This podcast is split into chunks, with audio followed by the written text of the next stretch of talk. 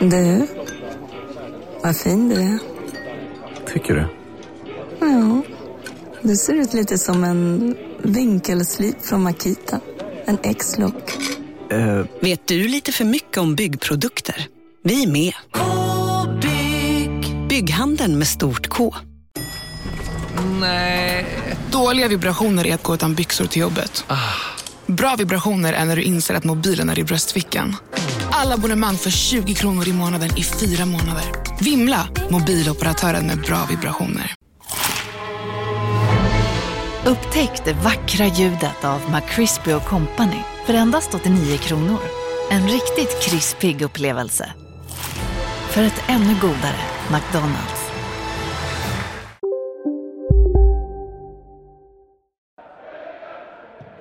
Och där Gais alltså inför den här matchen är precis ovanför eh, negativt kval.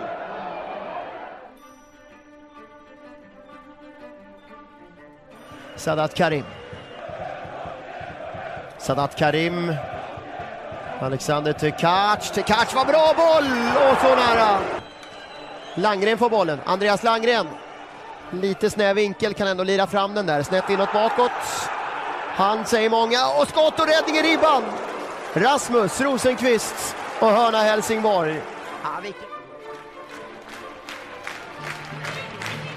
Men ändå går Gustav Nilsson för ett hattrick. Han finns inne i mitten. Rodevåg. Vad kommer här då? Volleyskott och 6-0! Kalle Wede. Åtvidaberg rasar ihop. Jovanovic. Jovanovic frispark och då har Trelleborg gjort sitt första mål för säsongen. Vladisa Slujovotro. Bajarna med lyftningen mot Kudogan. Här kommer Chipsa som testar, det kommer skarven fram mot Tornblad. Och Gais tar ledningen med 2-0. Linus Tornblad. Bojacki, bra läge att skjuta och spela bollen in och den tar stolpen och går i mål. Det är väl mål. Det är 1-0 Varberg i den eh, femte minuten, eller fjärde minuten ska vi säga. Och jag tror att det är nummer 10, Gabriel Altemark Vanneryr, som är sist på den där bollen. Ingen frispark, då får han ju gratisläget här. Kan han komma till avslut då? Jo då. Vi har 1-0 till Örgryte via Atashkade. Boll mot Fenders, riktigt bra boll. Akovic kommer ut, kommer inte ordentligt ut. Här är målet! Här är målet, Daryl Smiley, 1-0 för Jönköping Södra. Efter ett misstag får väl ändå säga. Vi har 2-0 och är det inte nyförvärvet Fritzell som eh, gör målet. Också en reducering och det är Bergmark Wiberg som eh, ger Gävle hoppet tillbaka.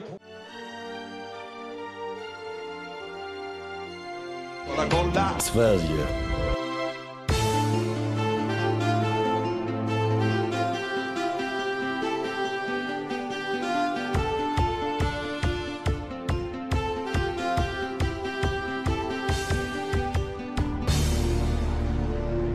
Ja, jag ska inte härma dig Marcus, men då säger vi hej och välkomna till Kolla Sverige. Är det Kolla Svenskans Sverige-interna podcast, som känns som ett unikt sätt att uttrycka sig på svenska? Han som var rasande på Lotta Schelins svenska i, i den här eh, matchen-podden, uppskattar inte den Sverige-interna podcasten som tagline på Kolla Sverige. Men så ser det ut i alla fall. Eh, ni har ju Vi har hört- hamnat där. vi har hamnat där. Ni har hört ett, ett unikt ihopsnickrat svensk fotbollsintro eh, som jag har suttit och pulat med under, under dagen. Och det har jag gjort både för att jag då, enligt Marcus idag, har kapat den här podcasten. Jag ska också klippa avsnittet, vi vill ju vara transparenta med vem som klipper avsnitten. Ja. Bara det är ju otroligt. Och jag har också då tagit med an ett intro som ni har hört och anledningen till att det är ett sånt intro är ju för att i helgen drar det igång. I alla fall, det har ju dragit igång till viss del dock. Men Allsvenskan och Superettan drar ju igång. Jag uppskattar det så mycket att du för en gång skull hade en ledig dag, att du skrev det igår, jag har ledig dag imorgon, och sen så vet man att du, får man, eller får man se att du suttit i sju timmar och knåpat ihop ett perfekt intro eh, med reklam för alla dina favoritspelare i Superettan. I stort sett ja, och några helt random som bara dök upp när jag youtubade Superettan, så jag inte vet vilka det är, utan det är bara kul att det är människor man inte aldrig hört talas om. Underbart, Eh. jag har inte ens hört det här själv så jag ser fram emot att lyssna på den här podden sen på en slags metanivå. Eh, Ja, du får ja, också höra då kul. vår favoritlåt, det vill säga Pirates of the Caribbean temat Ah, också. Underbart, den som assyriska Turabdin kör. Fina Turabdin. Smal återkoppling till eh, förra veckan, eller förra, förra kanske avsnittet. Eh, Just det. Ja, Nej, men vi ska ju prata om, eh, vi pratar om Superettan och Allsvenskan idag helt enkelt. Kulan i luften och allt sånt. Eh, vi ska väl återkomma Mm. till hur taggade vi är. Det är ju också på modet då att inte vara taggad inför den här allsvenska säsongen, så att man kan väl gå båda håll. Eh. Men eh, Johan, du ska få börja har vi förstått här, för det är du som har, som så ofta, en, vet det, veckan som gått summering av den lower leagues-fotbollen. Det har ju ändå hänt någon gång förr. Ja, man får inte glömma liksom att eh, division 1 börjar en vecka innan. Jag vet inte om det är kutym, jag vet inte fan om det har gjort det förut. Men det, det kändes märkligt förra helgen att man bara, "Jaha, nu är det division 1-matcher här. Eh, fan vad nice. Eh, hade inte Sportexpressen eh, Play eller Aftonbladet Play eller fan det är som sänder. Så jag har inte sett någonting live, jag har bara sett lite highlights och sånt. Men det var ju en väldigt fin, full omgång i både norra och södra ettan. Verkligen. Eh, som eh, På gav tal, om, på tal om division 1-premiären så det jag fastnade mest för som du kanske kommer till är Umeå FC. Eh, de vann ju hur som helst med 1-0 va, mot... Wey! Det var mot Talangföreningen eller? Ja, Hammarby Talang ja. Ja, HTFF. Eh, och Jonathan Lundbäck som du och jag Johan eh, känner lite sen eh, Sirius-tiden. Han spelade ju Sirius ett år va? Eh, Ja. och eh, gillade ju honom, vi intervjuade honom i vår podd och hade han ju Morrisseys självbiografi i sin jackficka, vilket man uppskattade då innan, man, Ja. innan Morrissey was bad, så att säga. Exakt. Eh, Innan han Men det roliga med Umeå FC var att jag läste ju en intervju här med, med Sirius nya tränare Daniel Bäckström och han är ju från Umeå och han sa också då i den intervjun när han fick frågan favoritlag så svarade han Umeå FC. Det uppskattade jag ändå. Att det var tydligt Ja. så. Att han är en Umeå FC-supporter. UFC är fan culture och det var väldigt fint att de lyckades tvåla till det här hemska Frej, Frej avarten som blivit. Så det var, det var en av highlightsen. Sen var det ju Alltså första matchen överhuvudtaget i division 1 eh, Norra som spelades själv, den andra april var ju BP Karlstad 2-0 vilket Just det. direkt, direkt blev en snackis. Marcus, du var- gillade ju det eh, psykotiska som hände där i, i den matchen. Ja men det som hände i matchen eh, gillade väl alla för det var så konstigt. Alltså Mm. att BP ledde, st- stod bara still med bollen i backlinjen och Karlstad sket i det. Vilket Ja. var... Som det en var ju markering, roligt, eller? eh, Ja men det var ju roligt på det sättet att man kände att så här som man själv hade kunnat göra liksom, att man bara, "Ah, men fuck det här, jag har inte, jag har liksom inte, jag orkar inte, jag, jag bryr mig inte, jag förlorar Nej, ändå. Exakt, jag brukar, ju, jag brukar göra det nu när jag spelar Mario Kart, det här spelet, när man ändå när man ligger dåligt till och är förbannad, då bara bromsar man sitt mållinjen och liksom låt, låter sig själv komma sist i den jävla pin liksom. För det, jag, Ja, bryr, exakt. jag bryr mig ändå inte, jag bryr mig ändå inte. Och så bara, Ja, exakt, det är så här dålig förlorare som att säga, ja men jag, jag bryr mig inte ens, så vinn du. Eh, Ja, exakt. liksom. Och det var ju kul, men det vart ju roligare av eh, Karlstads tränare sen som gick ut och sa att eh, han tyckte det var osportsligt typ av BP att inte fortsätta pressa på fast de ledde. För att så här, BP ska ju slå oss med många mål, det är bara osportsligt av dem att nöja sig med 2-0. Så det var sämsta taken någon har haft någonsin. Ja. Helt var- unik take på fotbollsmatch ju, överlag. Ja, brukar det Första inte vara tvärtom? Brukar det inte vara tvärtom i Italien? Att så här, när man leder med 3-0 ska man inte fortsätta anfalla för då blir det bara förnedrande.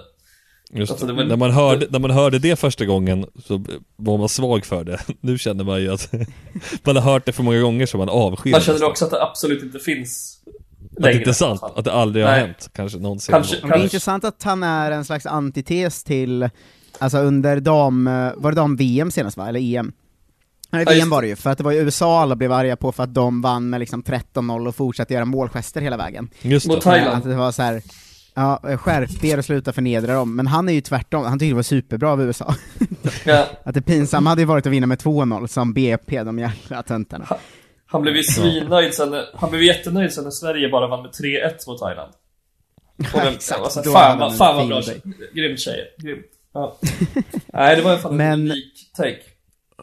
Ja, det var ju speciellt, och eh, det var, jag, jag kollade på sånt långt sammandrag av den matchen, för jag ville se om de var galna hela matchen eller bara i slutet. Eh, men det, det man fick med sig av det var ju att BP ser ändå ganska bra ut i år alltså. Det känns Ja. som att de studsar upp eh, om allt går som det ska De igen. är, de är storfavoriter där i norra serien med rätta. Det var de ju lite förra året också och fuckade upp i kvalet. Men Mm. de har ju en väldigt, de har ju Jeppe Arvidsson tror jag kvar till exempel. det är... Årets röst i division 1. Ja, verkligen. Så att, eh, Kalle Nyström ju, ny mittbacksgeneral från Gais. ja det är ju också en väldigt bra division 1 Spelar inte premiären tror jag, men han borde väl vara självskriven. Ja, eh, en annan kul match som i norra serien som gav, eh, gav mig lite, eller caught my eye var ju Dalkurd Piteå. Eh, Den, den, jag gillar inte Dalkurd som alla vet, det blev 3-3. Det var Piteå i nykomling. Eh, underifrån, Dalkurd ovanifrån. Det ska ju bli kross. Mm. Dalkurd leder med både 2-0 och 3-1, men typ på övertid, i alla fall väldigt mycket i slutet, blir det ett självmål till 3-3. Um, ehm, vilket då gör att Dalkurds svenska fans är liksom helt i spillror och alla skriker om matchfixing. Uh, tills de märker hur det har gått i Assyriska Täby FK, som blev 2-7. Uh, ehm, då är det många som kommer in och bara app, app, app. Vi är i alla fall inte lika illa som Assyriska. Uh, de la sig faktiskt eh, ännu mer. Så att eh, riktig matchfixing-känsla i första det sättet, i supporterled, det är liksom en självklarhet. Eh, Ja, men det känns konstigt med division 1 för att det varit så mycket såna inte fastställda, men mycket sådana rykten och nyheter Ja. de senaste åren typ, Mm. att det känns nästan som att man varje omgång är så jävla eh, misstänksam liksom. Ja. Så fort något händer så känns, det känns ju som att det är spelfusk på gång jämt i division 1 alltså. Ja, Och det, man reagerar när det blir Assyriska Täby 2-7, det, det kan man ju förstå. Men det var bara kul satt- att Dal- Ja, ja. Och Dalkurdsupportrarna kollade- liksom eh, lugnade sig direkt när de såg att det fanns någon som var värre. Eh, Jag satt ju och kollade på random superettan höjdpunkter här på grund av att klippa upp det i introt. Då, eh, tidigt det ramlade över Örgryte mot Syrianska tror jag. Eh, där Örgryte hade något viktigt att spela för. Och det var så här, tabbe direkt av Syrianska målvakten i det highlights-paketet som var helt sjuk. Var det Dwayne Kände- Miller? Det var ju tyvärr inte Dwayne då, det var en annan keeper men Ja. eh, det kändes bekant om inte annat. Ja, underbart. Eh, ja, norra serien annars var Gävle förlorade mot IFK Luleå, lite överraskande hemma i premiären. Eh, Norrlandsderby, Exakt. Eh, Väldigt nära varandra otroligt långt ifrån varandra, men ändå Ja. Norrlandsderby. Eh, Sollentuna piskade till Örebro Syrianska med 3-0 borta. Det var ju bra. Eh, södra serien eh, var det ju lite kul att fina, fina Österlen fick kryss borta mot Lunds BK. Ändå två klubbar vi nämner ganska ofta i den här podden. Eh, Mm. Skåne, där, Mm. Skåne derby. Men framförallt gillade man ju eh, sista matchen i första omgången som spelades, den femte, som var då IFK Malmö Åtvid. Två nykomlingar underifrån. Eh, två extremt klassiska klubbar. Man kommer ihåg att Åtvid gick upp på grund av eh, att Västra Frölunda hade en spelare som inte var registrerad i det klassiska kvalet som de egentligen förlorade. Och att Åtvid då också hade typ 12 covid-sjuka, vilket sen då mirakulöst nästan vinna och sen vinna skrivbordsseger. Eh, det som gjorde det här extra krydda var att den här matchen spelades när det var total snöstorm i Malmö. Det kanske har följt rapporteringen där nerifrån. Vilket gjorde att matchen blev uppskjuten var så här klassiska bilder på så här, som från gamla sändningar i England där det är så här folk som, folk som så här kämpar med att, eh, med att få bort snön, vaktmästare, alla hjälper till. Eh, så blev det då också. Det är, väl också en, det är väl också en känsla man har att sånt eh, överlag händer Åtvid oväntat ofta. alltså, jag vet inte om det är sant, men min känsla är att. Åtvid får ju, det händer alltid någon skit när de ska spela Ja. vilken match som helst. Det är himla kul att den här historien om dem som liksom det största otursförföljda laget senaste åren fick en så jävla konstig abrupt vändning i att att de sen vann den här skrivbordssegern i kvalet. Men direkt då när man kommer Mm. upp i ett, ettan igen, då, då drabbas man av snöstorm. Där, dock, matchen spelades till slut på då alltså naturgräset på gamla Malmö stadion. Eh, Mm. Och eh, blev 1-1 också, vilket kändes jävligt fint. De fick dela Jag tänker, på den. jag tänker på den där, vet du, det, får mig osökt att tänka på den där äldre mannen på puben Phoenix i, vet du, i London som du och jag träffade för massa år sedan, ja. Kommer du ihåg? Ja, vi såg en match mellan, vad var det, vad heter de? Eh, Tranmere mot någonting. Ja, Tranmere mot någonting på den där, visades på puben på en TV och vi spelade biljard bredvid. Och det var en ensam man som satt och sippade på någon mörk öl och tittade på den där matchen. Och sen halkade de runt på en väldigt blöt och snöig plan där i januari. Och sen skrattade han för sig själv och sa bara 'poetic' när det var någon som halkade. Jävligt fint Ja. ögonblick. Den känslan var det på riktiga Malmö stadion. Eh, Ja. Vilket också är jä- jävligt fint att IFK Malmö spelar där. Eh, för den som är nyfiken mer på IFK Malmö kan jag rekommendera, nu har det kommit del 20 om Europa. Jag är nyfiken gul Ja, just det. Just det. Ja. Eh, De gör ju alltså då en extremt utdragen artikelserie om deras Europa-äventyr på 60-talet. Som nu, härom, häromdagen kom del 20. Eh, Mycket bra läsning. Mycket man, kan- hur mycket man kan kräma ut ur en liksom, gruppspel i Europa. Till slut har man och skrivit en bok men bara, jaha, Ja. det blev massa blogginlägg Kanske ska köpa in Ja. dem till totobalutto.se Gugge och Eh. Ja, inte omöjligt. Eh, Marcus, ditt Linköping City, vet du hur det gick för dem? Mitt, mitt gäng. Ken Ja. Rings Ja, Ken Nej, jag, jag har faktiskt inte, mm, ingen koll på hur det gick för dem i Eh, första matchen. Ken Ring är typ sportchef där, eller hur är det? Något sånt Ja. Han är det- väl eh, känd nu för att ha de flesta stolarna inom svensk fotboll. Det var så Ja, Att jävla han är liksom, han driver fotbollsskola i Kenya, är agent och typ jobbar inom Linköping City, det är inte Det var bara snyggt. Nej, det hade, som Olof Lund hade sagt, dubbla stolar Eh, verkligen. eh, men de spelar hemmapremiär i alla fall då, eh, i den- ständiga turbulens de nu är i, som jag inte gissar minskar av att man kan ringa inne på något hörn. Eh, Fri roll. Ny, nykomlingen Vänersborgs IF. Eh, blev torsk 4-0 för Linköping va? Eh, så Mm. att, eh, börjar i uppförsbacke. Och eh, dess, ja, det, nu, nu, är det ju ex, nu är de i samma serie som Åtvid också, vilket de inte var senast båda var i ettan. Så att det kommer bli väldigt spännande att följa den. Det gamla mot det nya eh, i regionen där. Och Åtvid leder nu efter omgång ett i alla fall i den internkampen. Rejält. Nej, det måste Ja, vara jag riktigt tror, eh, jag tror att den är spännande också för att Åtvid har fler supportrar i Linköping än vad Linköping City, alltså Linköping City har inga supportrar på det sättet. Nej. Men Åtvid har ganska stark supporterbas i eh, Linköping också. Mm. Ehm, så, så att det blir ju ett spännande möte mellan de två verkligen. Drömmen är ju ett höstderby med mer publik.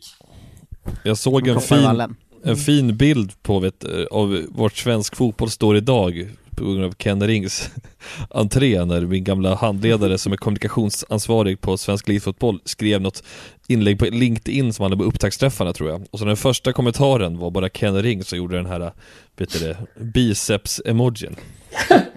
Fy fan vad svensk fotboll mår bra kände man då. Vilket gäng. Ja. Ja, det gör den verkligen. Först slopar de villkorstrappan, sen kommer Ken Ringen och gör emojin. Exakt, sen slopar man inte villkorstrappan fast typ.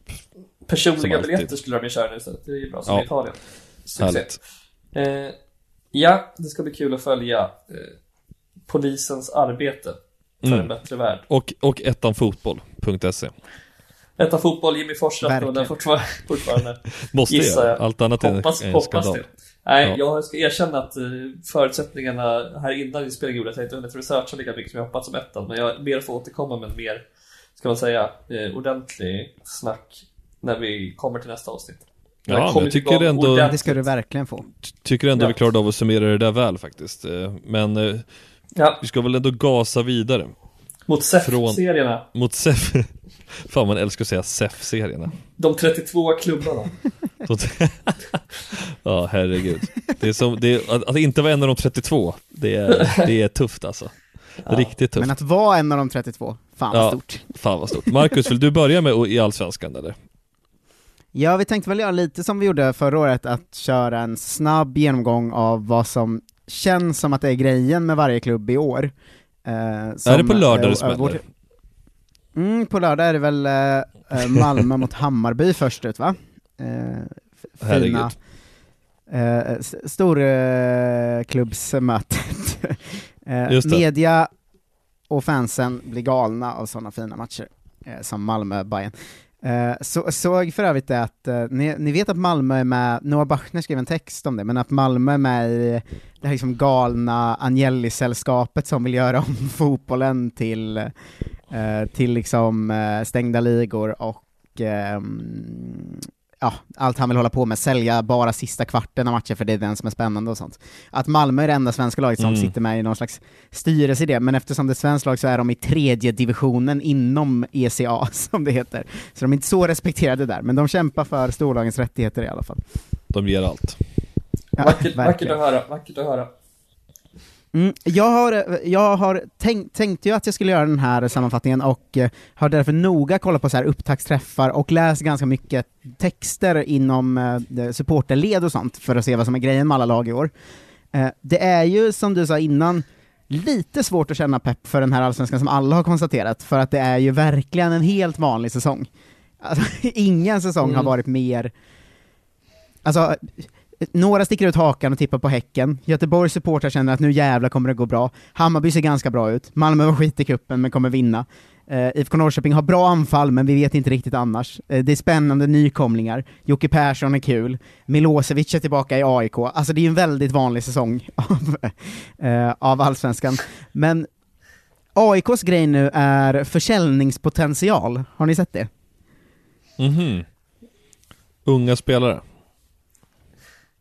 Är inte det Ja, och allas framförallt grej? snacket om det. Ja men Mhm. AIK Ja. har ju en grej per säsong, liksom. Väldigt mycket att Ja. eh, eh, de en säsong tror på eh, någon grej, sen ger de upp den och sen är det en ny, och nu är det försäljningspotential som både sportsliga styrelsen och alla supportrar pratar om överallt. Eh, och det är det här spännande som nästan alla lag har börjat med väldigt mycket, men det är att de pratar om spelare väldigt mycket som en pengasumma. Att så här, den här vänsterbacken ser bra ut. Är det 20 millar eller? Är ett- den tonen runt spelare. Ja. Och det är ju, det är alltid ett intressant sätt att se på sitt lag, som man själv kan ha ibland eh, som supporter till den typen av lag också. Liksom. Jo, det är Att man så här en avhumaniserande bild av fotbollsspelare. Ja men också, det är konstigt supporterskap, att man inte säger den här killen kommer kunna ge oss många trepoängare, utan det är snarare så här, fan, p- går det bra nu så är det 15 millar till Belgien alltså.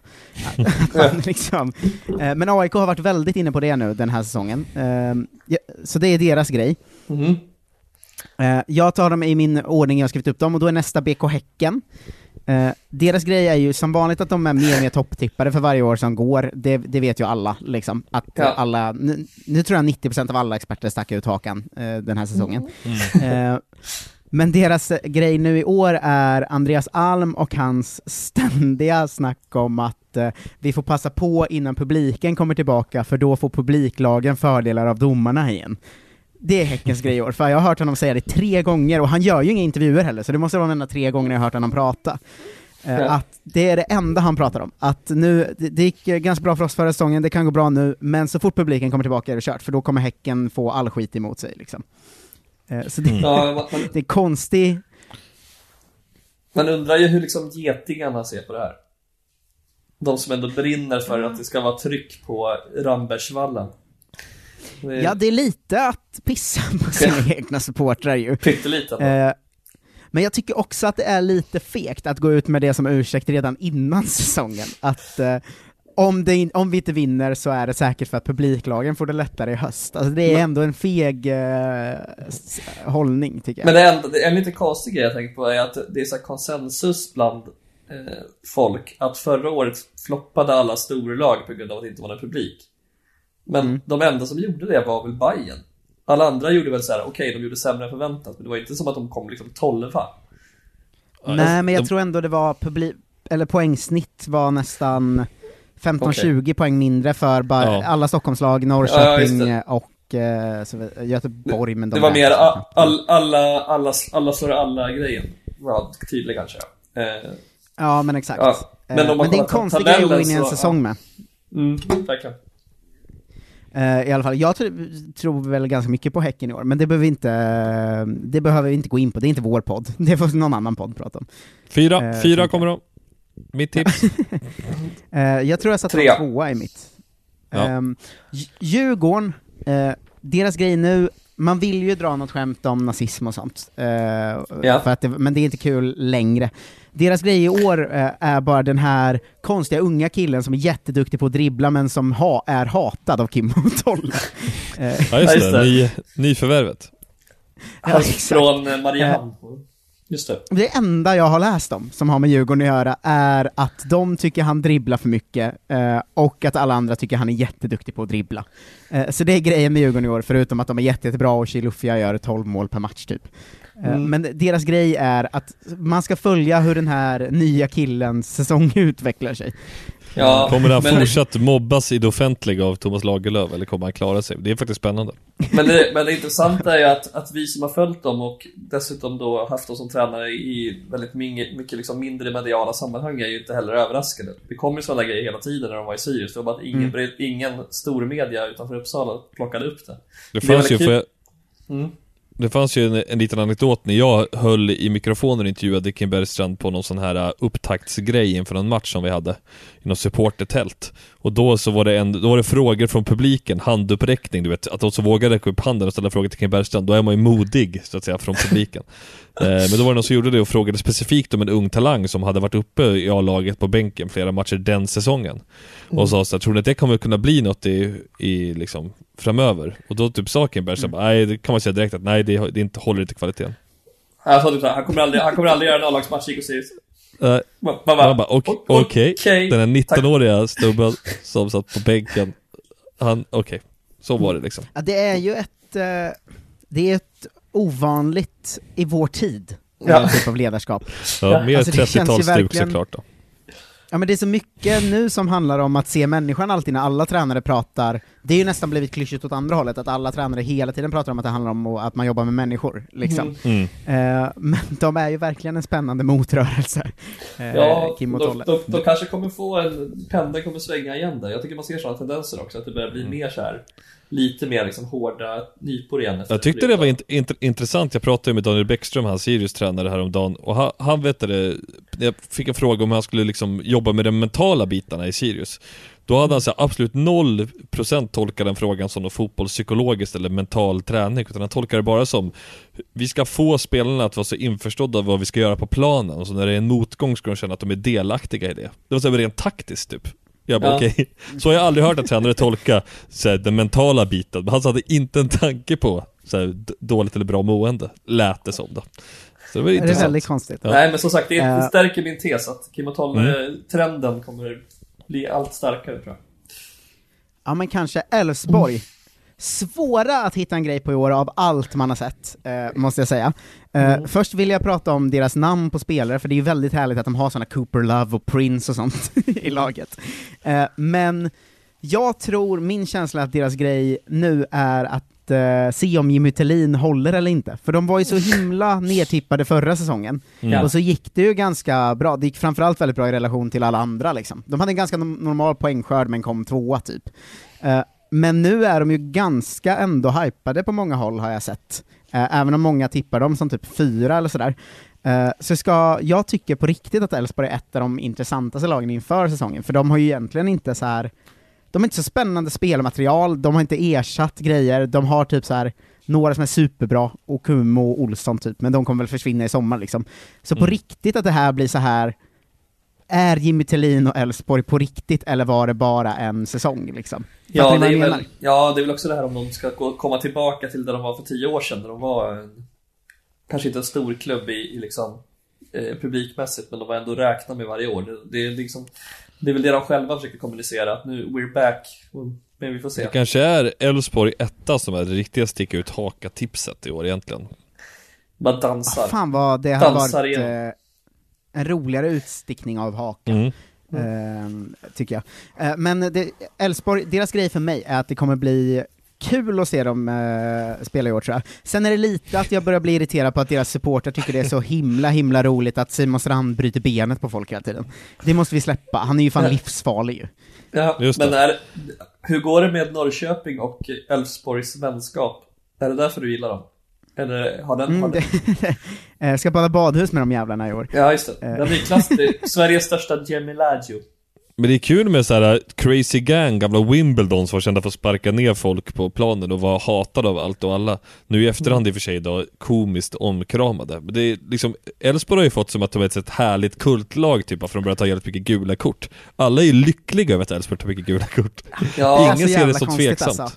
Och de kallas Men också att det de är så kall- Simon Strand spelar ju på gränsen till farligt hela, hela, hela tiden. Ja. Att det är så här, det är så konstig grej att hylla. Ja, framförallt deras identitet är väl att de kallas ju eleganterna till exempel. Alltså de ska ju spela eleganterna. De, de ska ju spela liksom eh, fin fotboll, är väl deras liksom grundsyn. Ja. Men det, så länge man vinner är man glad antar jag. Ja, sen i min lista står Halmstad. Mm. Och också väldigt svåra, om man ska ta grejen från intervjuer och sånt, eh, så är ju den enda grejen att de har eh, en väldigt stabil defensiv, men det är ju tråkigt att ha som grej. De har ju Pelle Ehm, Olsson. Mm, Det är, all, det är allt. Eh, Magnus Haglund i alla fall. Ja, ja, det också. Är där. Och grejen eh, verkar vara att det här kommer vara en säsong där han bara svarar på frågor om Elfsborg, om sin tid där.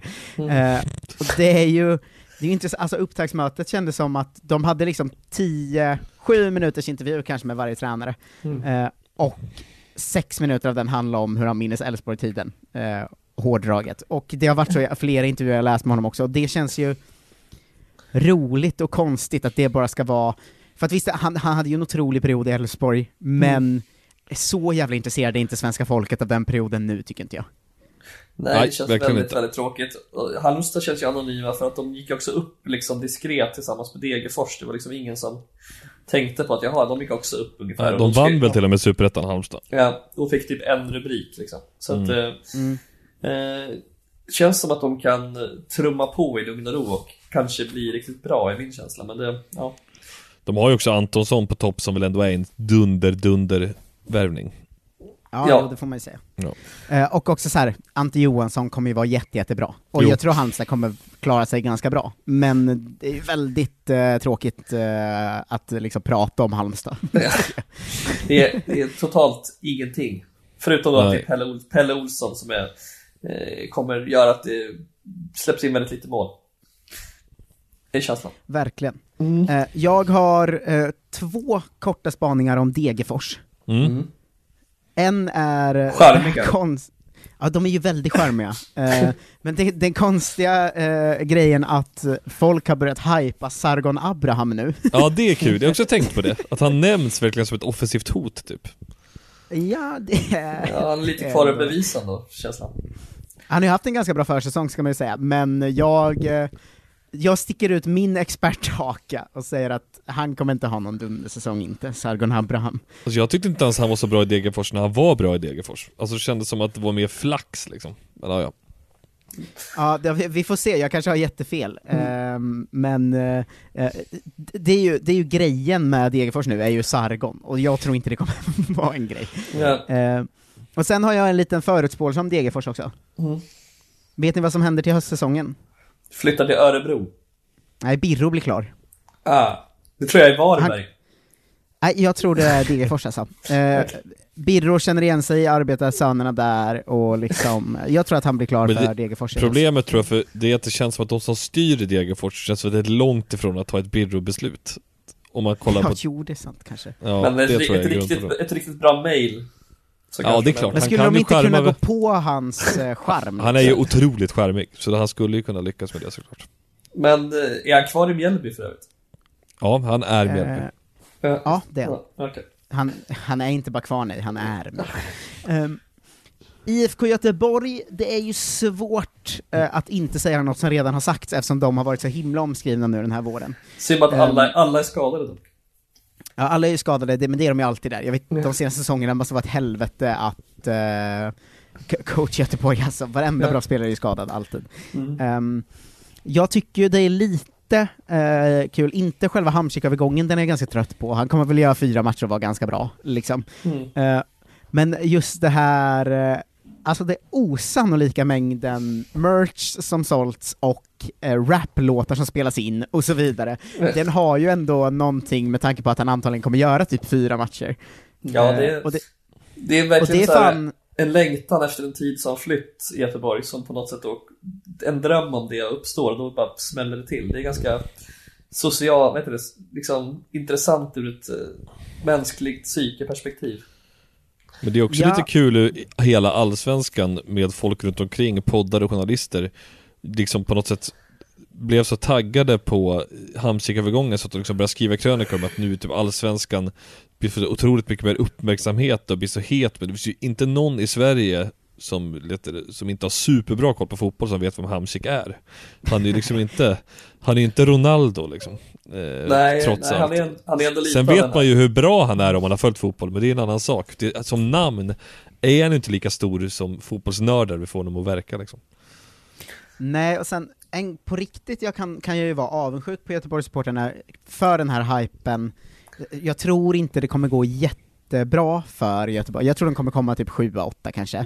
Ja. Men just att få ha den här riktiga hypen, för det är ju ingen annan som får ha nu. Alltså det är ingen publik, det är inget som händer, det är inget kul. Men Göteborg har ju faktiskt på riktigt en otrolig stämning i supporterleden och sånt nu, så att jag är lite avundsjuk på det. Ja. eh, måste jag säga. Eh, och sen är väl också grejen att Gustav Svensson inte fick komma hem, hur mycket man än har skämtat om det, det är ju roligt. Ja. Ha det bra i. Kina. Ja. Ja, de hade inte plats för honom. Nej. sen har alla hans bästa vänner gått dit Ja. efter det. Eh, men Det är också Ja, kul det- att Gustav Svensson är den som, vet du, förutom Marcus Berg då, av de som känns liksom bäst också just nu, med tanke på att han ändå är en Ja. landslagsspelare. Ja, han är också bara 32, 33 va? Ja. Eller något. Eh, men det är så här, det kommer ju vara roligt att se hur det går, alltså de har ändå ett väldigt, väldigt konstigt ihopsatt, de har ju till exempel Jo. inga mittbackar, det är väl Sebastian Eriksson som spelar där. De har väl Ja. lite, de har ju lite det här, går det tre matcher när ens egna lag inte spelar så kan man nog välja Göteborg-matchen så att säga. De har ju den grejen i år. Ja, ja verkligen, för att det Så är är så här, det är Hamsik och Tern och sådana på mitten, kul. De har ingen anfallare tyvärr, för alla är skadade. Och sen har de inga mittbackar förutom Bjärsa som är 36 eller någonting. Ja, men spelar inte, Och de Vär, ju- spelar inte, spelar inte Wernbloom mittback? Ja, ibland, och Sebastian Eriksson ibland va, Ja. och sådär. Eh, men de, de ska bli väldigt roliga att följa också faktiskt, i Göteborg i, i år, för det känns ju också som det går det dåligt i fyra matcher, jävla vilket uppror det kommer Jo. att bli eh, på väster. Men en, en eh, ja, lyssna på raplåten om Hamsik, kan jag tipsa eh, folk om. Tips, tips. Eh, IFK Norrköping, det är svårt för mig att säga som är så himla, liksom, det är alltid svårt att prata för er om vad som är grejen med Sirius och för mig om vad som är grejen med IFK, man är ju för insatt liksom. Mm. Eh, men utåt är det väl ändå bara snack om Rickard Norling nu. Mm. Eh, det var ju en vinter som, där det skrevs väldigt mycket om IFK med Peter Hunt och allt det där liksom, folk som avgick till höger och vänster. Tänkte ni på att det slutade sekunder Rickard Norling kom? Det har bara handlat om Norling sen dess. Ja, det var som att eh, media, liksom, logiken svängde, man var trött på det där. Och Hunt la sig till slut också. Så, inte, eh, var kul, ska bli kul att följa vad Hunt säger om ni börjar dåligt. Mm, Han lär ju få telefonsamtal från eh, sina vänner på Norrköpings Tidningar. Men det är också kul att det, det, känslan är väl att Norrköping, både klubben, de som jobbar där, plus kanske inte alla supportrar, men det känns ändå som att det finns en ny förälskelse mellan Rickard Norling och Norrköping som syns utåt tycker jag. Det läggs upp så här officiella klipp på när han typ är lite skön bara. Att han liksom är en karaktär. Hej, Synoptik här. Visste du att solens UV-strålar kan vara skadliga och åldra dina ögon i förtid? Kom in till oss så hjälper vi dig att hitta rätt solglasögon som skyddar dina ögon. Välkommen till Synoptik. Välkommen till Unionen. Jo, jag undrar hur många semesterdagar jag har som projektanställd och vad gör jag om jag inte får något semestertillägg? Påverkar det inkomstförsäkringen? För jag har blivit varslad, till skillnad från min kollega som ofta kör härskarteknik på möten och dessutom har högre lön trots samma tjänst. Vad gör jag nu? Okej, vi tar det från början. Jobbigt på jobbet. Som medlem i Unionen kan du alltid prata med våra rådgivare. På Sveriges största jackpot-kasino går hypermiljonen på högvarv. Från Malmö i söder till Kiruna i norr har hypermiljonen genererat över 130 miljoner exklusivt till våra spelare.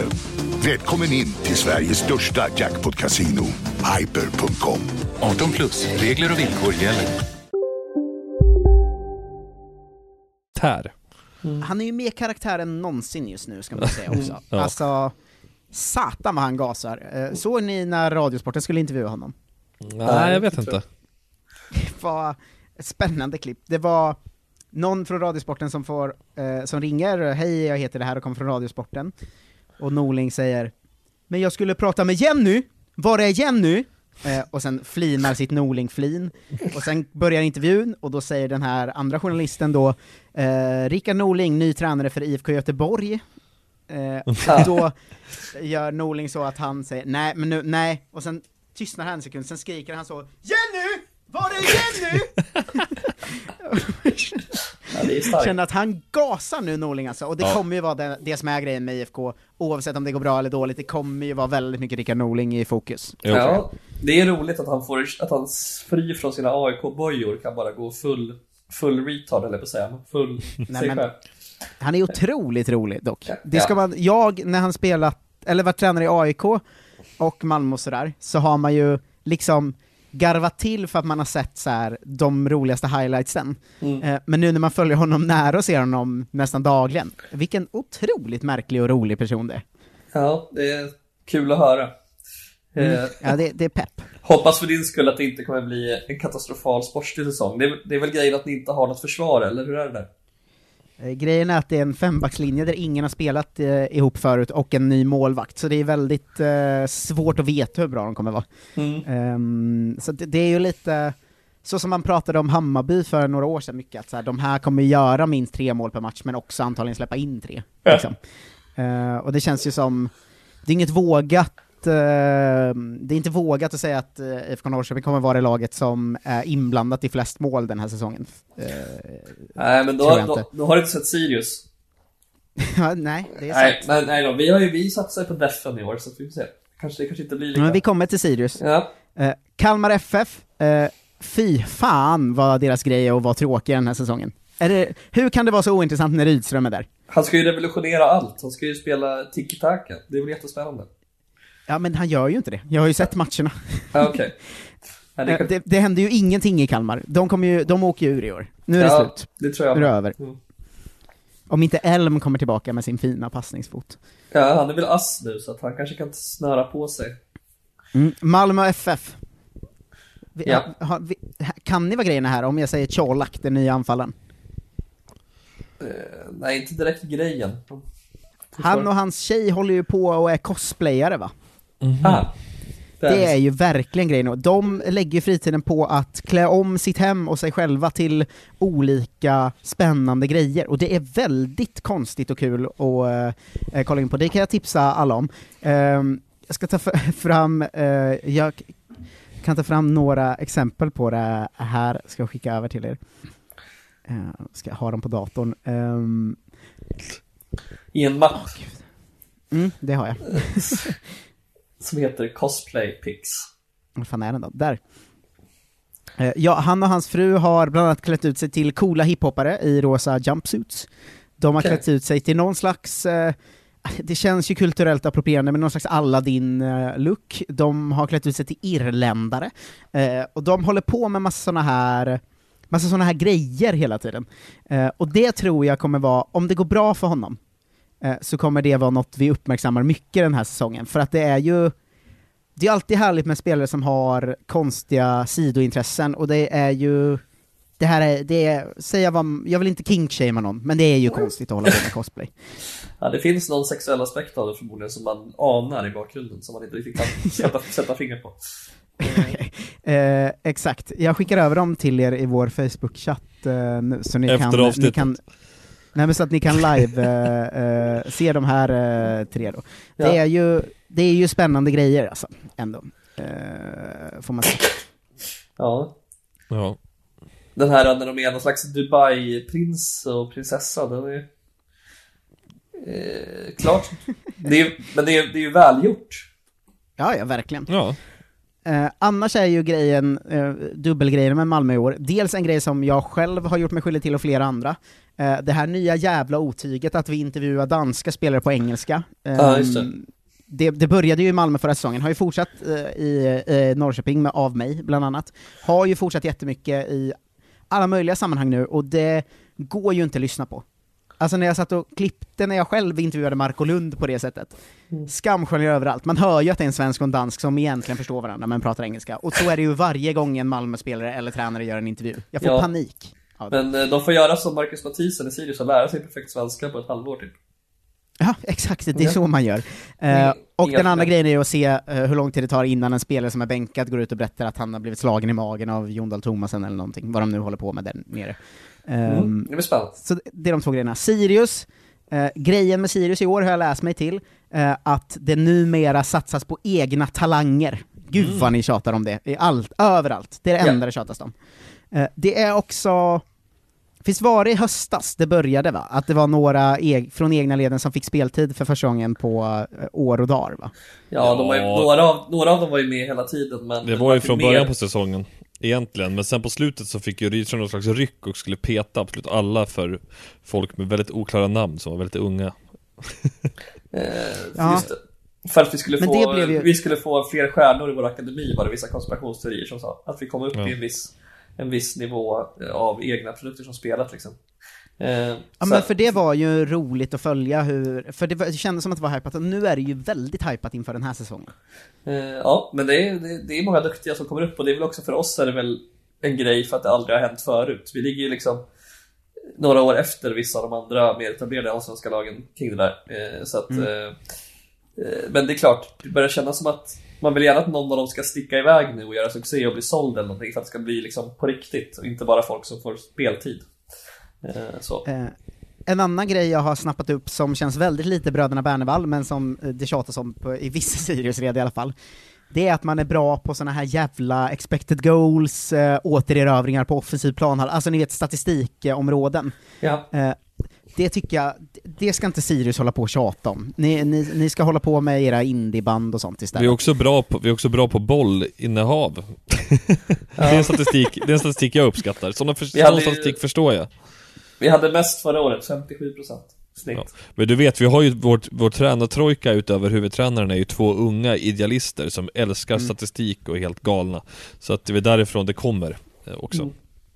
Ja, jo det är ju, det är ju också många som håller på med det, det är ju inte bara Sirius. Nej. Eh, men grejen är att Sirius känns så tudelat supportermässigt, att det känns som eh, m- stor del är som ni är fotbollsromantiker liksom.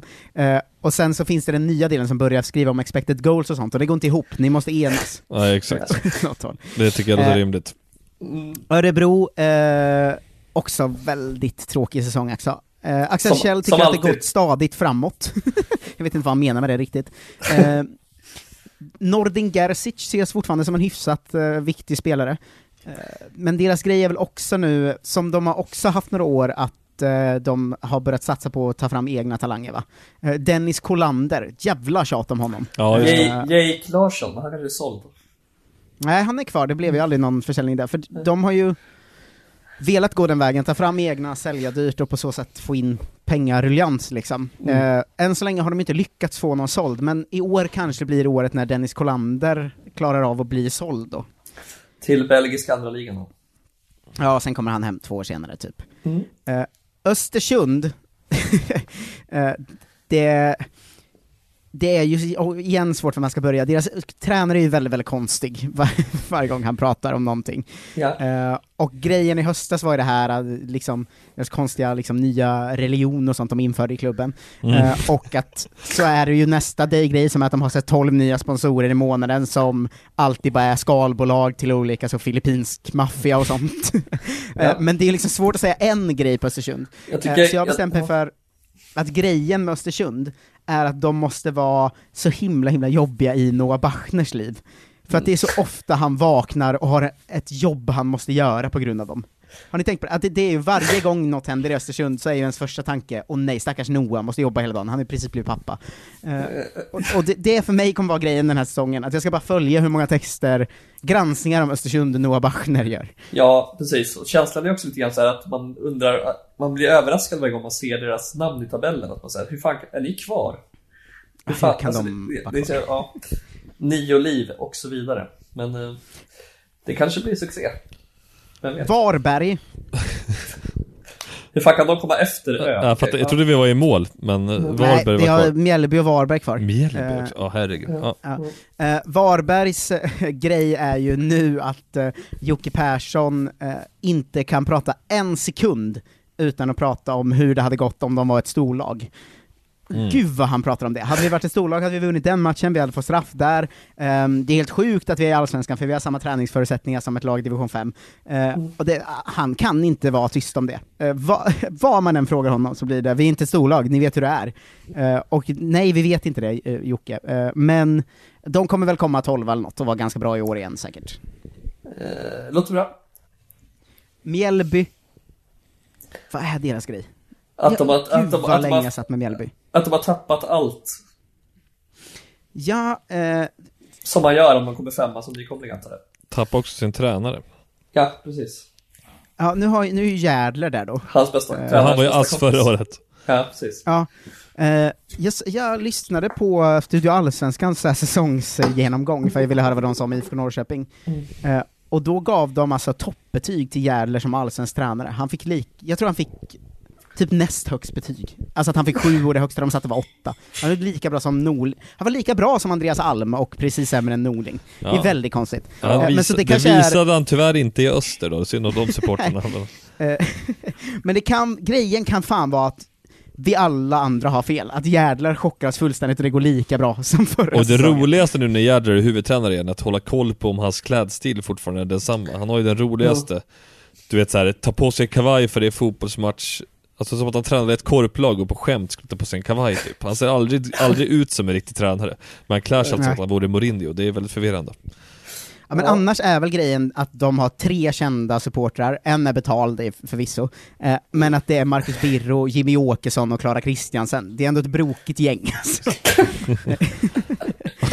Ja, det är fan ett kanongäng på något sätt. Och Peter Antoine. Ja just det, Ja, Peter det. Antoine också. Ja. Det gör det ju ännu brokigare på något härligt sätt ju. Vilken Ehm. drömuppställning i Halv åtta hos mig. Verkligen.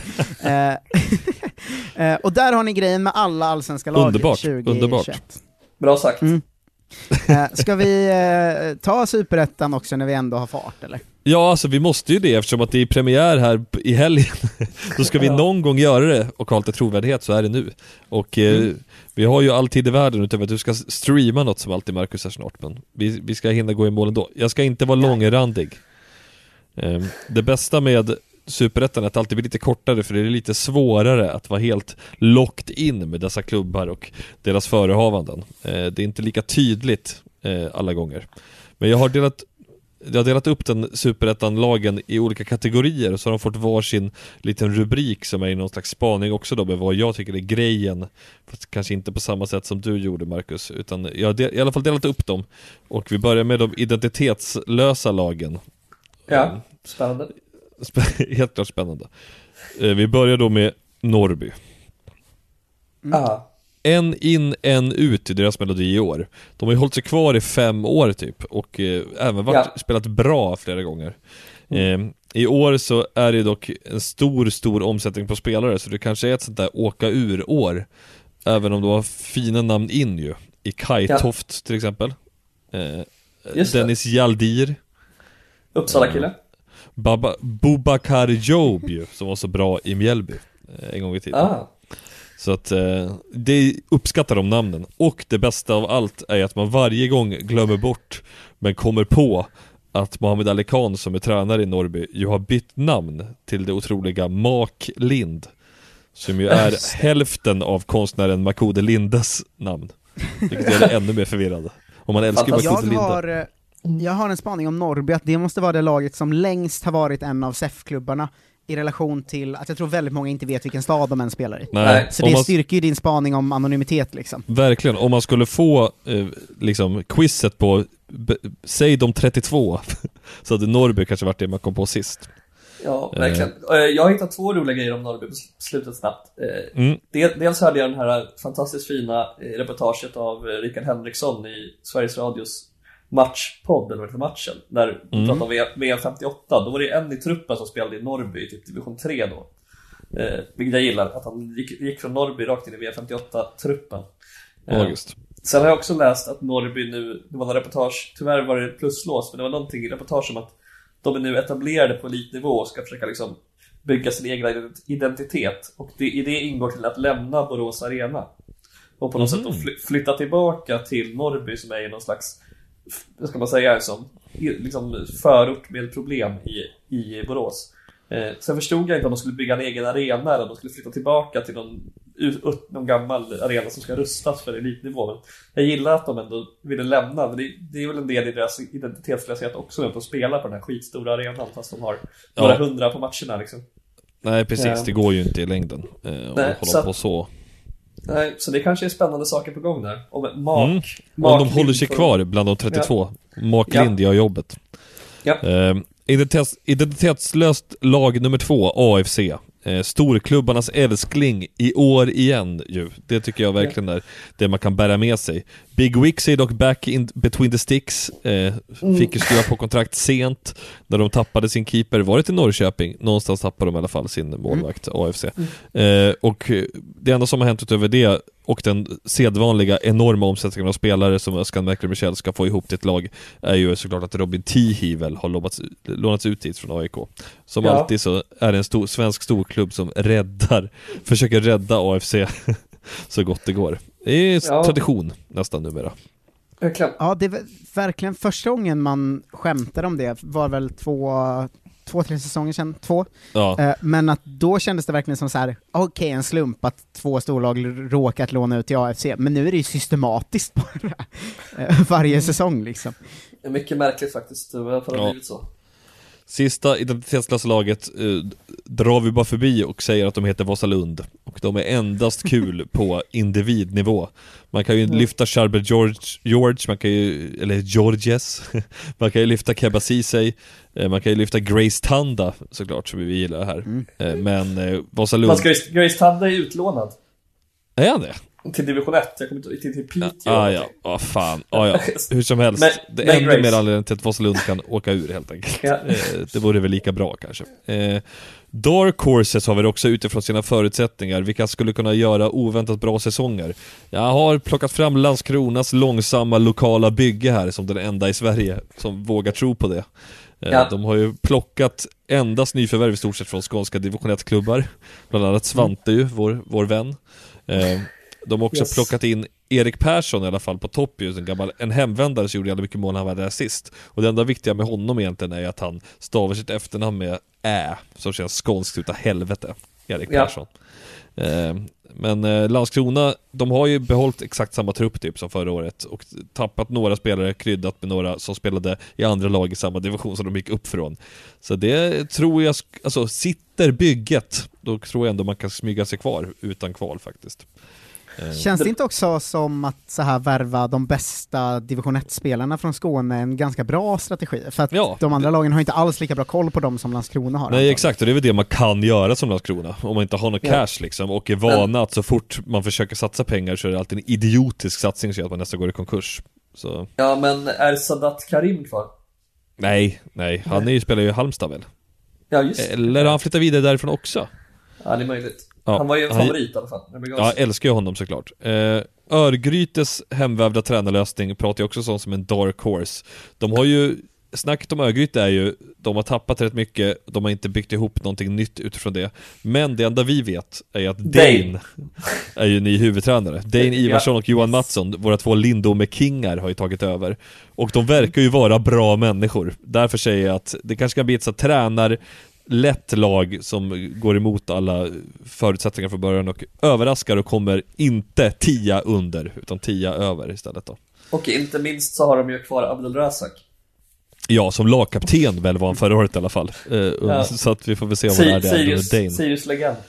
Ja, och Jag blir alltid glad när jag tänker på att vi på riktigt har en bra spelare som heter Abdulrazak som ett namn i Ja, just efternamn. det. Och Varje gång jag ser honom göra något bra tänker jag på när jag var på plats eh, på eh, studenternas, när Abdulrazak väl gjorde sitt enda mål. Ja, först, för sitt först, första mål i karriären, han har inte gjort något sen dess heller tror jag ja, och Ja. ni förlorade med kanske 4-1 eller någonting mot Elfsborg. Det är ett Ja. fint minne jag har. Verkligen fint. Det var, det Eh, var av starkt. att eh, mitt finaste minne därifrån var när du Oskar eh, stod och hetsrökte och sa ”Varför blir det alltid så här?” Eh, Ja, så Ja, de, dagarna starkt. saknar man helt enkelt. Mm. Eh, min tredje Dark Horse av fyra är Västerås. De har ju en modern framåtrörelse, det är absolut deras grej. Det känns som att alla, som, alla fotbollsmänniskor då, som brinner för så här, modern fotbollsteori och ideologi, de för, kommer förespråka Västerås i år och säga att det är någonting på gång där. Det är hög press, det är unga spelare, det är Kalle Karlsson på assisterande tränarbänken. Tyvärr Askebrand. Thomas, tyvärr Thomas Askebrand som huvudtränare som inte känns lika sexigt kanske då. Men Nej. ändå, de känns moderna, och de, men jag tror ändå att de kanske har en för ung trupp för att kunna hota, men de har ju Prodell på topp. Eh, modernt det är- jävla fotbollslag, tränardrivet. Kan ändå bli någonting. Mm. Inte omöjligt tyvärr. Dark Horse, sista Dark Horsen som eh, man gillar att tippa högt om man vill ha en Häcken-tippning i årets Superetta, är ju Öster. Mm. Eh, de har ju lite av ett beprövat Superettan-recept som Potter gjorde med Östersund, Thelin med J Södra, Tolle Kim med Sirius. Att behålla truppen, slå in, fortsätta jobba på inslagen väg och förra året så var man ju nära kval och nu liksom har man behållit nästan allting, har kvar tränaren och bara tar ett steg till då, i den bästa av världar. Dock så känner man ju i själ och hjärta att när man säger det om Öster, så här, när man råkar säga det om Gais någon gång. Och så blir man motbevisad i att just det, det är ju det här laget som ska göra det här. Och det brukar ju fan inte gå så bra. Nej, de är Eh, kända för att åka ur Superettan, väldigt överraskande. ja, exakt. Så det skulle väl kunna bli det lika gärna. Ja, Men jag har ändå dem på... fame. Ja, klassisk claim to fame. Det var ju som när Jönköping Södra alltid var laget som kvalade men klarade sig kvar i Superettan. Ja. Det var ju länge sedan nu. Ja. Eh, nu går vi vidare från, nu har vi inga fler dark horses här utan nu har vi de energilösa lagen, det är två stycken. Eh, Jönköping Södra, de har ju bränt krutet alltså. Gud Ja. vad det, luften gick ur av att de inte gick upp när de skulle gått upp. Nej, två år i rad falla på målsnöret, missar. Kval förra året, året innan var, hade de ju kvalplatsen klar innan de släppte in ett mål av BP så redan hade de åkt ur. Eh, och, och, ja, och nu sparkar de ju förra året Kuitimbala mitt under säsongen. Andreas Brännström har nu lämnat för han inte ville vara kvar, det fanns ju ingen ekonomi, typ satsningen rimmade inte överens med vad han ville göra. Nu har de fått in Jihde Falk som tränare, han var hans första typ huvudtränaruppdrag. Bästa lirarna är borta, men ja, Fredrik Fendrich är kvar. kan väl, kan vi göra en bra, en bra säsong.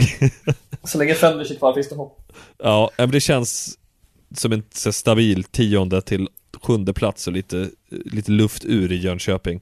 Samma sak i Borlänge, vågar jag påstå, med IK Brage. Mm. Det är väl liksom lite samma trupp som de tre senaste åren, där den bästa var när de Ja, de missade ju kvalet och så fick de ju platsen för Östersund skulle åka ur Och sen så fick de, blev de borttagna den igen Kanske var där och då luften ändå gick ur fullt ut Ja, konstigt vore det väl annars. Det måste vara fruktansvärt att uppleva. Men de har väl Lundinbröderna är ju duktiga liksom, de har ett stabilt trupp, de lär inte behöva vara rädda för att åka ur men ah, det känns inte som att det kommer bli någonting. Nej, men jag kan också tycka Mm. mycket om de här lagen som jag genuint känner nu att de här kommer vara ett okej lag i Superettan i all framtid. De kommer inte åka ut på väldigt länge och de kommer fan inte gå upp liksom. Eh, och jag kan känna att det finns ändå ett mys runt den typen av lag, verkligen. Ja, och det fanns ju så, och sådana lag kan ju plötsligt gå upp chockartat, likt Degerfors och Varberg. Eh, Mm. Även om Degerfors kanske hade en satsning som folk missade att de hade utanför. Ja, Va- ja. Varberg, Varberg var väl mer chockartat. Eh, men, eh, så en dag Ja, Varberg är fortfarande, man är fortfarande i chock över den säsongen Varberg gjorde. Ja, ja, det är jävligt, jävligt konstigt. Ja. Man har inte landat än riktigt. Nej. Är ni redo för favoriterna? Ja. GIF Sundsvall såklart med sitt norrländska lugn. De var ju favoriter redan i fjol, det gick ju åt skogen faktiskt. Det började så otroligt bra med Johan Blomberg och Pontus Engblom, men eh, sket sig ju sen. Det roligaste med Giffarna i år är att, vet ni vad deras tränare heter? Nej. Inte på rak arm. Henrik Ånstrand. Eh, Bra. 41 år och var ju på tränarbänken redan i år, men det är absolut ingen som vet vem det är. Det, tycker, det piggar ändå upp med GIF Sundsvalls återtågssatsning, att de har den här eh, Sundsvallskillen, 40 bast på bänken, som ska föra upp dem år, trots att han misslyckades i fjol då. Han ser exakt ut som en kille som heter Henrik, om ni googlar på honom. Han ser exakt ut att vara från Sundsvall. Så det känns ju tryggt, och det känns ju Ja. som att truppen är svinstabil, de har ju fått tillbaks Hallenius, de har fått tillbaks Robert Lundström. Eh, liksom det känns ändå... Vi ska fan inte glömma Erik Andersson alltså. Vilken Nej. jävla spelare det är för Superettan, när han är i formen då. Verkligen, det är också en supervärvning och det känns ju som att det, det här att slippa vara laget som ska studsa upp efter att ha åkt ur eh, talar ju för att de kommer vara ännu bättre i år. Och eh, Andreas Mm. Andersson, dock i mål, tar ju inte en boll sista 15, svaghet. Men utöver det så eh, tror jag rätt hårt för Sundsvall faktiskt. Ja, storfavoriten då, nästan. Ja, tillsammans med då Helsingborg. Just det. Eh, namnkunnigt återtåg på gång, Jögga! Är ju på tränarbänken. eh, och det är, man kan säga vad man vill om, om vet du det, vad heter han nu? Jörgen Lennartsson, på att säga Lennart Jörgensson. Jörgen Ja. Lennartsson. Han stannade ju av Robin Söders karriär där under u EM 2009, det minns man ju. Man håller ju det emot honom i alla lägen. Men det känns också jävligt tryggt någonstans att han tränar Helsingborg, för Helsingborg ska ju liksom inte ha någon jävla Poyars satsning utan det ska ju vara en träig jävla svensk fotbollstränare med en lite för namnkunnig trupp för den nivå de spelar på. Och då brukar det ju gå bra ena året och dåligt andra året. Det som gör att jag tvekar är ju att hur ska liksom Max Svensson och Rasmus Jönsson och orka ett år till och, och verkar vara, vara taggade på att gå upp, att det skulle vara någonting stort liksom. Det känns ju bara som något tvång. och det är väl lite det som eh, talar de, har, emot. de, har ju, de har ju granen som sprider lugn. Ja, och de har ju också värvat Viktor Lundberg, vilket känns superspännande. Ja, att han ska spela superettan med Helsingborg. Ja. Men jag tyckte fan det var ganska fint med eh, Max Svensson att han gick ut med eh, typ såhär, jag, jag vill inte lämna som bossman sen för det känns fel typ och sånt. Visst känns det som att det är så här oförtjänt många spelare som tycker i Helsingborg som har väldigt starkt klubbhjärta. Det känns som att klubben Ja. förtjänar Mm. inte det. Men det är ändå så det är.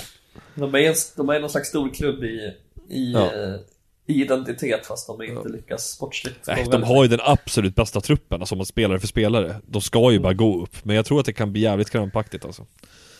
Eh, Men är det inte, kan det vara att spelarna eh, liksom säger sånt här för att de har Granqvist som sportchef och de, är lite, lite, de har lite för mycket respekt för honom? Eller? Ja.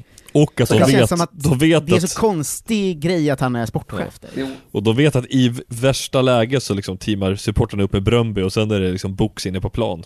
Det är, det är, också, det är också läskigt att ha det hängande över sig såklart. Eh, Verkligen. Eh, årets guys är guys har jag valt ut här. jag har också försökt, försökt hitta en ny slogan som är Finns det guys finns det inte hopp.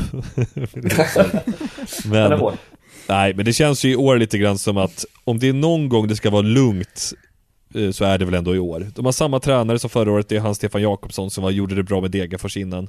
Känns ju som en bra superettan-tränare. De har inte haft så jäkla mycket liksom, omsättning av spelare. Det är klart Mervan Celik lämnade och var arg, men ja, det är väl lite vad det är det kanske. Det, han Ja. gjorde inte så mycket poäng från förra året. Så att, eh, är det något år man kanske ska tro att guys ska få lite lugnare så är det väl i år, men som alltid Ja. de ligger väl på kvalplats med tre, fyra omgångar kvar, sen klarar de sig ändå kvar utan kval då. Det brukar ju Ja. vara så det ser ut. Sista matchen eh, klarar de sig kvar på målskillnad eftersom Jarsuvat smäller in. Ja exakt, och det viktiga Personlig då, favorit då ska man verkligen. alltid Rickard komma, Jarsuvat. Ricky Jarsuvat är otrolig. Då ska man också komma nia du vet i slutändan. Det är Ja, ja, så här, just det. de ligger trettonde inför den matchen, sen slutar de nia. Men fan vad Jarsuvat är. Det är något med honom som spelar som gör mig så jävla munter. Jag vet inte vad det är. Han var ju också svinlänge i Norrby, vilket man också gillar. Ja, Ja. och han gick upp med Dalkurd men stannade kvar i Superettan, du vet. De där grejerna. Ja. Han har gjort alla Ja. rätt helt enkelt. Fin alltså. Vi har, två, vi har två lag som har ett now or never-läge. Det är då Mm. eh, Trelleborg. Fan vad de tippas högt hörni. Rune Andersson satsar sina pengar en gång till. Ja det är väl Mel, vet du? Mellbygård, jag tror det. Ja. Mm. Och de har ju värvat Blomberg från Sundsvall för han flyttade ju med familjen till Skåne. Eh, Dennis Kosica har ju varit väldigt bra i Superettan tidigare, borde ju kunna vara det igen om inte annat. De har också ett stort revanschbehov från fjolåret där de ju verkligen gjorde ett dunderfiasko.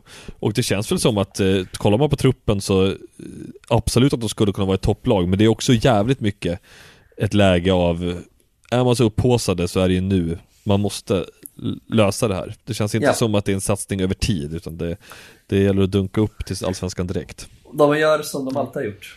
Ja, då Christian Heinz ju på tränarbänken, Salif Kamara Jönsson sportchef, därför gillar man Trelleborg lite grann, helt enkelt. De var, ju, de var ju väldigt bra mot Sirius i cupen. Ja, de kanske är i god form också här. Eh, Kommer du ihåg när Salif Kamara Jönsson gjorde åtta mål på två matcher? Eh, För några år sedan. Och det var eh, någon sån, jag kommer inte ihåg om det var, det kan ha varit Kvällsposten, kan ha varit någon annan tidning. Eh, men som gjorde en sån, han är just nu bättre än, eller heter än Cristiano Ronaldo, succéanfallaren om sitt dubbelliv, om att han också liksom jobbar och har barn och sånt. Men att han gjorde åtta mål på två matcher, eh, och att eh, eller han gjorde ju fyra mål två matcher i rad, Mm. eh, om ni kommer ihåg det. Ja. Eh, men, men just att de beskrev det som hetare än Cristiano Ronaldo, det är, det är. Vad fan, Det är jag älskar. Salif Kamara Jönsson. Lag nummer två på Now or Never-listan är ju då de grekiska gudarna i Akropolis. Eh, De Mm. har ju också värvat stora namn av någon anledning, har de ju gjort det. Astrid Ajdarevic, Daniel Larsson, den här eh, av AIK, endast AIK upphypade Panos Dimitriadis va? Ja. Eh, Det är sådana spelare som alla vet vem det är som gillar svensk fotboll bara för att han spelar i AIK. Hade han spelat i något annat lag hade man, i- hade man inte vetat att han inte är så jävla bra. Men i Akropolis tror jag att han är bra i alla fall. Eh, Men Daniel Larsson är ju en, faktiskt på riktigt, han, det är konstigt att han inte gick till en allsvensk klubb. Ja, det är jävligt konstigt faktiskt. Men han sa att han hade följt Akropolis resa under de senaste åren. Nej, men det har han ju såklart Så inte. att, eh, ja, han hade haft en kompis som spelade där för fem år sedan eller vad det var. Men eh, hade, hade man varit Olof Lund nu hade man ju undrat var kommer pengarna ifrån? Ja, verkligen. det är ju Men, väldigt eh, speciellt. Eh, och mycket det är ju också sånt här det är ju synd att liksom Akropolis, likt Vasalund, det är det här med liksom Stockholms lag som ingen egentligen bryr sig om. Det är ju, man, man själv känner ju noll pepp liksom. Även om vi Mm. som vi gjorde senast pratade rom- romantiskt om när vi mötte dem i division 1 norra så. Eh, Ja. Men de har i alla fall Mirza Jelecak som ny tränare, gamla Sirius-tränaren och han har ju gått upp Mm. från Superettan förr. Nu tror jag inte att Akropolis ska kunna vara med och gå upp, men de var ju hög förra året och de har ju egentligen ett vassare lag nu, så vi får väl se. Vi får, äh, jävligt svårtippat helt enkelt, Akropolis, Mm. men Mm. den satsningen känns ju inte heller som att Daniel Larsson gör fyra år och ger sitt allt, utan det kanske är något festligt som ska hända nu. Verkligen. Ja, det kan väl vara mycket att han kommer vara ute och dricka öl med Gusten Dahlin, typ. Ja. det, det också kan vara det som är hans... Han kanske ska börja blogga på totobalotto.se om livet i Superettan. Ver- 100% säker att han kommer göra det. Ja, vi avslutar med seriens två tryggaste lag, det är den rubriken de har fått. Falkenberg, jag skrev, skriv en självhjälpsbok. Alltså så upp, en uppmaning till hela Falkenbergs FF. Det känns som att de har alla svar på hur man ska leva ett gott liv. Mm. Eh, medelåldern har ju i år sjunkit från 28 till 23, det ska man ändå ha med sig. Okej, Eh, wow. Men det känns fortsatt ju, det har vi pratat om tidigare, det känns ju så jävla jävla tryggt. Eh, Hasse, Hasse är kvar i Eklund på bänken, han löser ju det här. Eh, de kommer inte behöva oroa sig för någon slags tabellposition neråt tror jag. Adalberg McViberg verkar vara ett superlån. Han är ju bättre än någonsin i år. Eh, ja, det kommer inte svaja. De borde kunna jaga den här kvalplatsen. Det känns ju perfekt med eh, Falkenberg i kval. Femma i år och går upp nästa, det är väl deras Ja, det kanske är den ännu mer naturliga gången. Ja. Jag pratade med Mats Enqvist, du vet han SEF generalsekreteraren och han sa ju att Falkenberg är det enda laget i Svenska Livfotboll som budgeterar först med alla, genom att gå igenom alla andra utgifter och sen kollar man vad har vi kvar till spelartruppen. De gör inte tvärtom. Eh, och det är, därför Ja, det är de, det är därför de, hur det än går i tabellen, eh, upp och ner i, i de här eh, elitserierna, inte behöver vara oroliga för sin existens. Eh, Det är sunt och vackert på många sätt. Ja. Och Verkligen. sist då seriens tryggaste lag, som jag i mitt tips har tippat sist. Men det har en anledning, det är för att tjuriga Värnamo är inte älskvärda längre. är bara så. Man är så trött på, vet du, tärniga Värnamo ändå. Ah, vet du, ta din jävla tränarlicens eller åk ur. Det är det jag vill säga. Trött på skiten. Och Plugga. de har ju någon, an, de har ju någon annan huvudtränare i år, du vet det där alltid. Åh, Ja. tröttsamma skiten. Men de har i alla fall värvat Crespo Camara och det är jävligt intressant. Kan det bli en ny Per Cederqvist? Var kvar där i tio år tills han blir 40 och eh, lira i, i Värnamo. Man kan ju hoppas i alla fall. Då skulle jag gilla dem lite. Ja, bra genomgång. Där har vi Superettan. Jag måste säga jag att det tycker känns som verkligen att... vi har eh, fått eh, det vi, har, vi var ute efter idag. Nu Ja. kan vi Allsvenskan, Superettan och eh, första omgången i division 1. Exakt. Ja, och om allsvenskan då eventuellt känns lite ohet så känns ju superettan hetare än någonsin. Ja, det, det är ett jävla kul getingbo i toppen faktiskt. Eh, Ja. Och det finns jävligt många sköna outsiders. Det gör det nästan alltid i Superettan. Men i år känns det jävligt roligt faktiskt. Det gör det. Ja, utmärkt. Ja, vi kommer väl eh, trampa igång med Kolla Sverige igen nu också, tror jag, så fort, nu när säsongerna drar igång. Eh, Nu Mm. har vi ju, det känns som vi har för, för mycket att prata om varje vecka, Ja, egentligen. Verkligen. Eh, Nu har men vi fått skippa, alla som väntar på de sista tre lagen i division 1 hymner får ju vänta till nästa gång om två veckor. Så, Ja, mycket, verkligen. så mycket hade vi på agendan idag.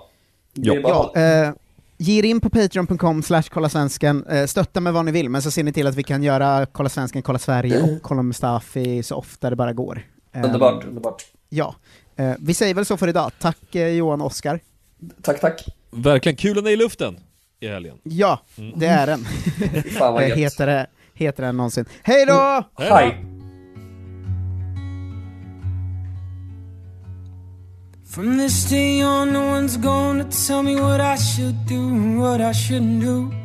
That ain't the way, the way it shall be fought all the way. So let them vultures prey on each other, don't let them spoil it. You've come this far, coming out like a force of nature, and this is the shape of things to come.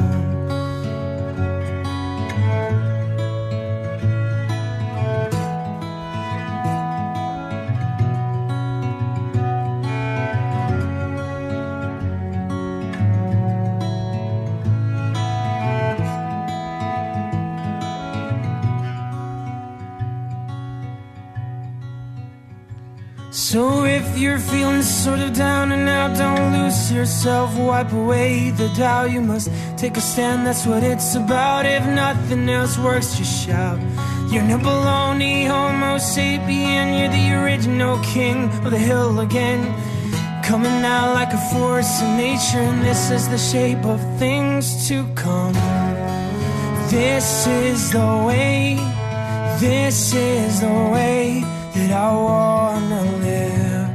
And I'm going through changes. This is the way that I wanna live.